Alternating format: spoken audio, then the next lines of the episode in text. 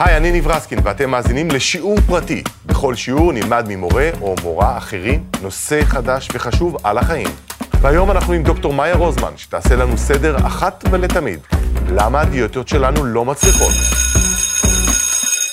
אני רוצה כן להתחיל עם זה ששוק הדיאטות בישראל הוא שוק ענק, מכיל מאות מוצרים. תה הרזייה, אבקות הרזייה, מסטיק הרזייה, מדבקות הרזייה, קבוצות הרזייה, אבקות הרזייה, אם אתם זוכרים, לא מזמן, לפני שנתיים בערך, היו פרסומות בטלוויזיה לרפידות לנעליים, ששמים בנעליים והן עושות את הדיאטה במקומנו, מורידות לנו את החשק למתוק, אולי אפילו עושות ספורט במקומנו. זה שוק שמגלגל מיליוני שקלים בשנה בישראל. זה שוק רווחי מאוד. האם זה כי ככל שעובר הזמן יש יותר ויותר אנשים בעודף משקל בישראל? אולי. אבל זה נשען בעיקר על העובדה ש-95% מהאנשים שירדו במשקל יעלו בחזרה ויחפשו שיטה אחרת. האם 95% מאיתנו, כמעט כל מי שעשה אי פעם דיאטה, חסרי אופי?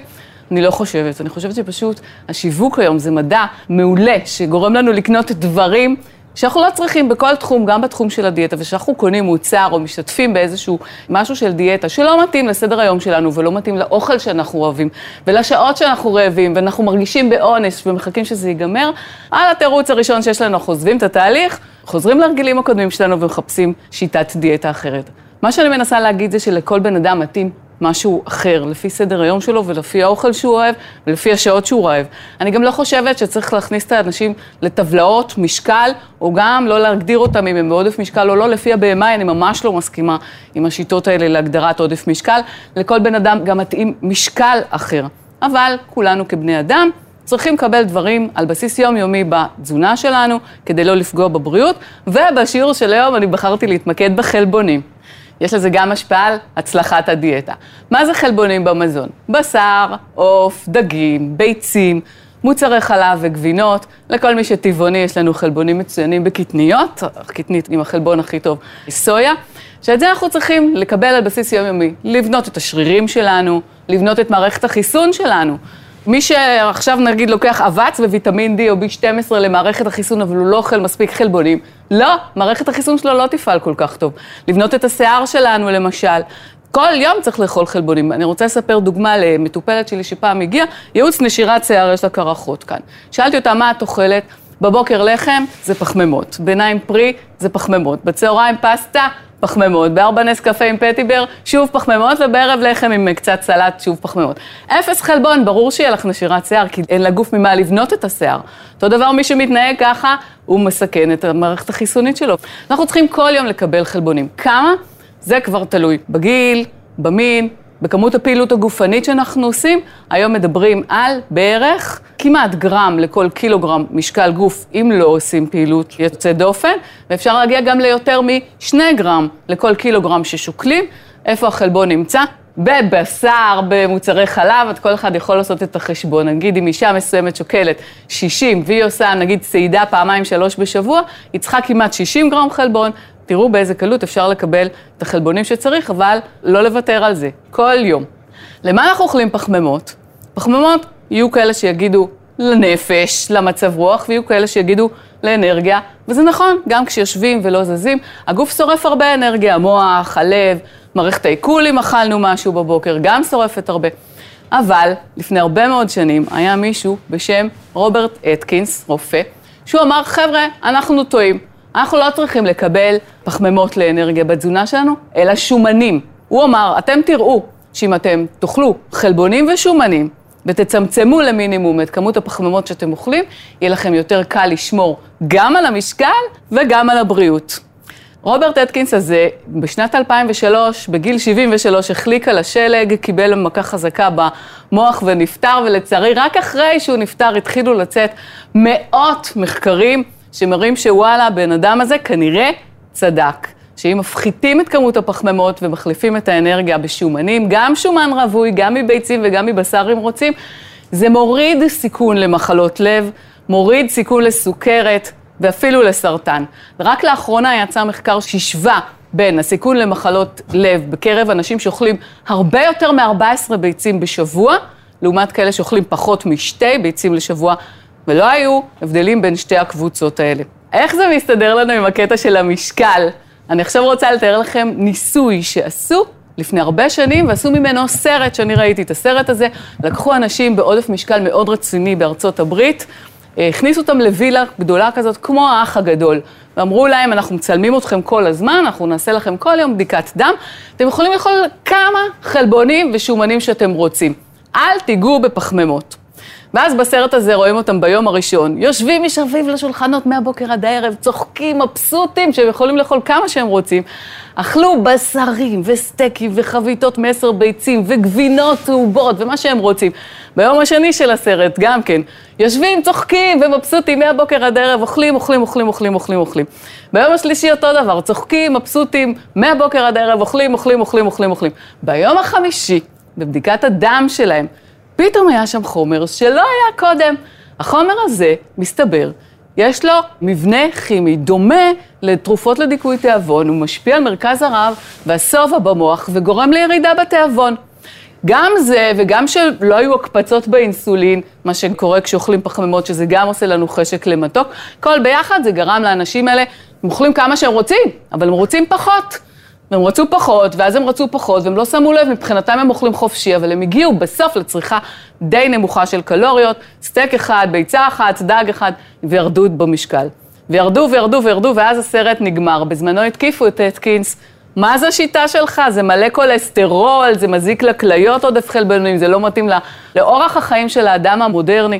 התקיפו אותו, היום כבר היו מתקיפים אותו פחות כנראה, חלק מהטענות נגדו נכונות, אבל עד היום תפריטי חלבונים נחשבים להכי מוצלחים, וזה חוזר כל פעם בצורה אחרת. הדיאטה הפלאו של האדם הקדמון, זה מבוסס בעיקר על חלבונים, הקטוגנית שהרבה מאמינים בה עכשיו, שהתחילה בכלל נגד אפילפסיה, אבל עכשיו נמצא שהיא מונעת סוכרת, שעושים אותה שהיא מבוססת על חלבונים. אז הן הכי מוצלחות, אבל נגיד אם מישהי באה לה עם תיאבון וחשק לנשנש.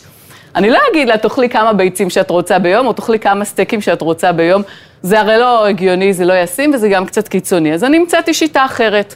שפועלת להפחתת הנשנושים, טובה בעיקר להפחתת הנשנושים בשעות אחרי הצהריים והערב, לכל מי שתקוע בקורונה בבית בערב, יכול לנסות את השיטה הזאת, זה עובד. אנחנו מצמצמים את הפחמימות לשעות הבוקר בלבד, ומהצהריים ואילך רק חלבונים. יש לנו דוגמה לתפריט, בבוקר אוכלים שתי פרוסות לחם מלא עם גבינה או עם גבינה צהובה, אפשר טוסט, ירקות כמובן, שתייה חמה, בעיניים אפשר פרי עם כמה אגוזים או שקדים.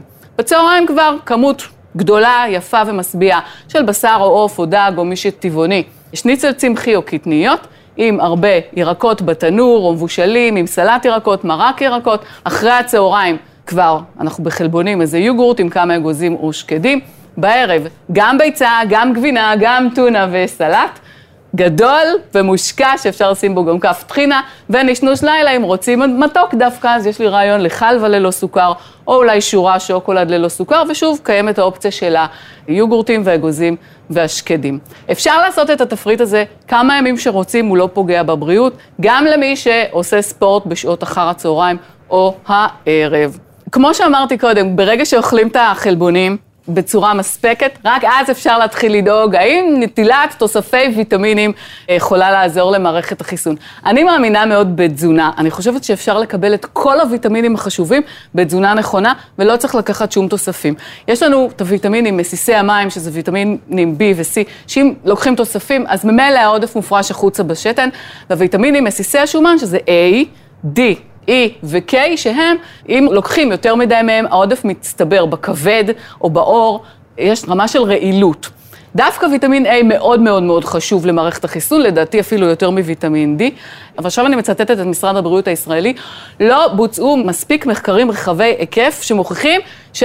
נטילת תוסף ויטמין D מחזקת את מערכת החיסון או מונעת קורונה, או אפילו עוזרת בקיצור זמן המחלה. אני חייב לשאול אותך על ה-16-8. כן. ממליצה, בעד, נגד? יצאו מחקרים, וזה מצחיק, כי בדיוק עכשיו, החודש, יצא עוד מחקר על ה-16-8 הזה. יצאו מחקרים שהראו שצום משפר בריאות. צום לסירוגין זה נקרא. בחיות מעבדה הוא גם האריך להם את החיים. התקשר אליי פעם לתוכנית הרדיו מישהו ושאל על ה-16-8 הזה, אז אני אומרת לו, אוקיי, ומה אתה אוכל בשמונה שעות האלה? אז הוא אמר לי, שניצל, בורקס, שוקולד. אני חושבת שהרבה יותר חשוב זה מה אתה אוכל כשאתה כן אוכל, ופחות להקפיד על שעות הצום. זאת אומרת, אין בעיה בריאותית עם 16 שעות לא לאכול. ההפך, זה אפילו יותר טוב, אבל יותר קריטי. ובשמונה מה את רוצה שאני אוכל? בשמונה אני רוצה שאתה אתה תאכל בריא, ואם אתה אוכל בריא ואתה אוכל 12 שעות צום וב-12 שעות אוכל בריא, זה הרבה יותר משמעותי מאשר אם תתקע שניצלים ובורקס בשמונה שעות שאתה כן אוכל. אוקיי. ועכשיו יצא עוד מחקר לגבי ה-16-8 האלה. בדקו בחורים צעירים שעשו את ה-16-8, אבל אמרו להם להפסיק לאכול ב-4. הם אכלו את כל התפריט ב-8 בבוקר עד 4. בדקו את היכולת של השרירים בעקבות השעות האלה, ונמצא שדווקא כשמצמצמים את זה לשעות הבוקר, זה עוזר לשרירים לצבור חלבונים וסוכרים. עדיף ול- לעשות את זה בבוקר. אם כבר, כן. אוקיי, אם שאלה כבר. מהבית. איך אפשר להימנע מנשנושים בלילה במהלך אה, דיאטה? הנה, עכשיו נתתי דוגמה לתפריט שאני מציעה לך אה, לנסות. מה זה בלילה אצלך? איזה שעה? נגיד סביבות עשר, שאת יודעת, מתיישבים בספה, בסלון. אם אני אגיד לך להכין לך צלחת ממש ממש יפה עם מלא ירקות חתוכים וצבעוניים כאלה, עם עגבניות שרי באמצע, לשים על זה מלח גס ומיץ לימון, זה פתרון טוב או שזה... אני אוהבת ירקות, נו, אז אבל מעולה. זה תמיד גם נגרר קצת לדברים המתוקים בסוף. ו... תשמעי, מה שהרבה פעמים אני עושה, אני פשוט מצחצחת שיניים, ממש הרבה זמן, משקיעה בצחצוח, ואני אומרת לעצמי, זהו, אני אחרי השעה הזאת כבר אני לא אוכלת יותר. לאכול בערב זה לא טוב, לאכול בערב מתוק זה עוד יותר גרוע. אני נתתי את האופציה בתפריט קודם לחלבה ללא סוכר, כי זה לא מקפיץ את רמות הסוכר בדם, וגם שוקולד מריר ללא סוכר לא מקפיץ, וזה פתרון טוב, אבל זה צריך להיות מדוד, כי ההרגל לאכול בלילה הוא מתכון בטוח. להשמנה. את יכולה פשוט אולי לעשות לך שתייה חמה, עכשיו כבר חורף, קקאו חם על בסיס מים עם ממתיק סוכרלוז וקצת חלב, שזה גם יכול להרגיע, גם ממלא, וזה גם התעסקות קצת יותר ארוכה. גם, הכל צריך, אם את אוכלת משהו, להיות מדוד, ובשעות האלה, פחות כדאי. עד כאן השיעור הפרטי של מאיה רוזמן. אתם יכולים למצוא אותנו במאקו, ב-N12 ובכל אפליקציות הפודקאסטים. תודה שהאזנתם.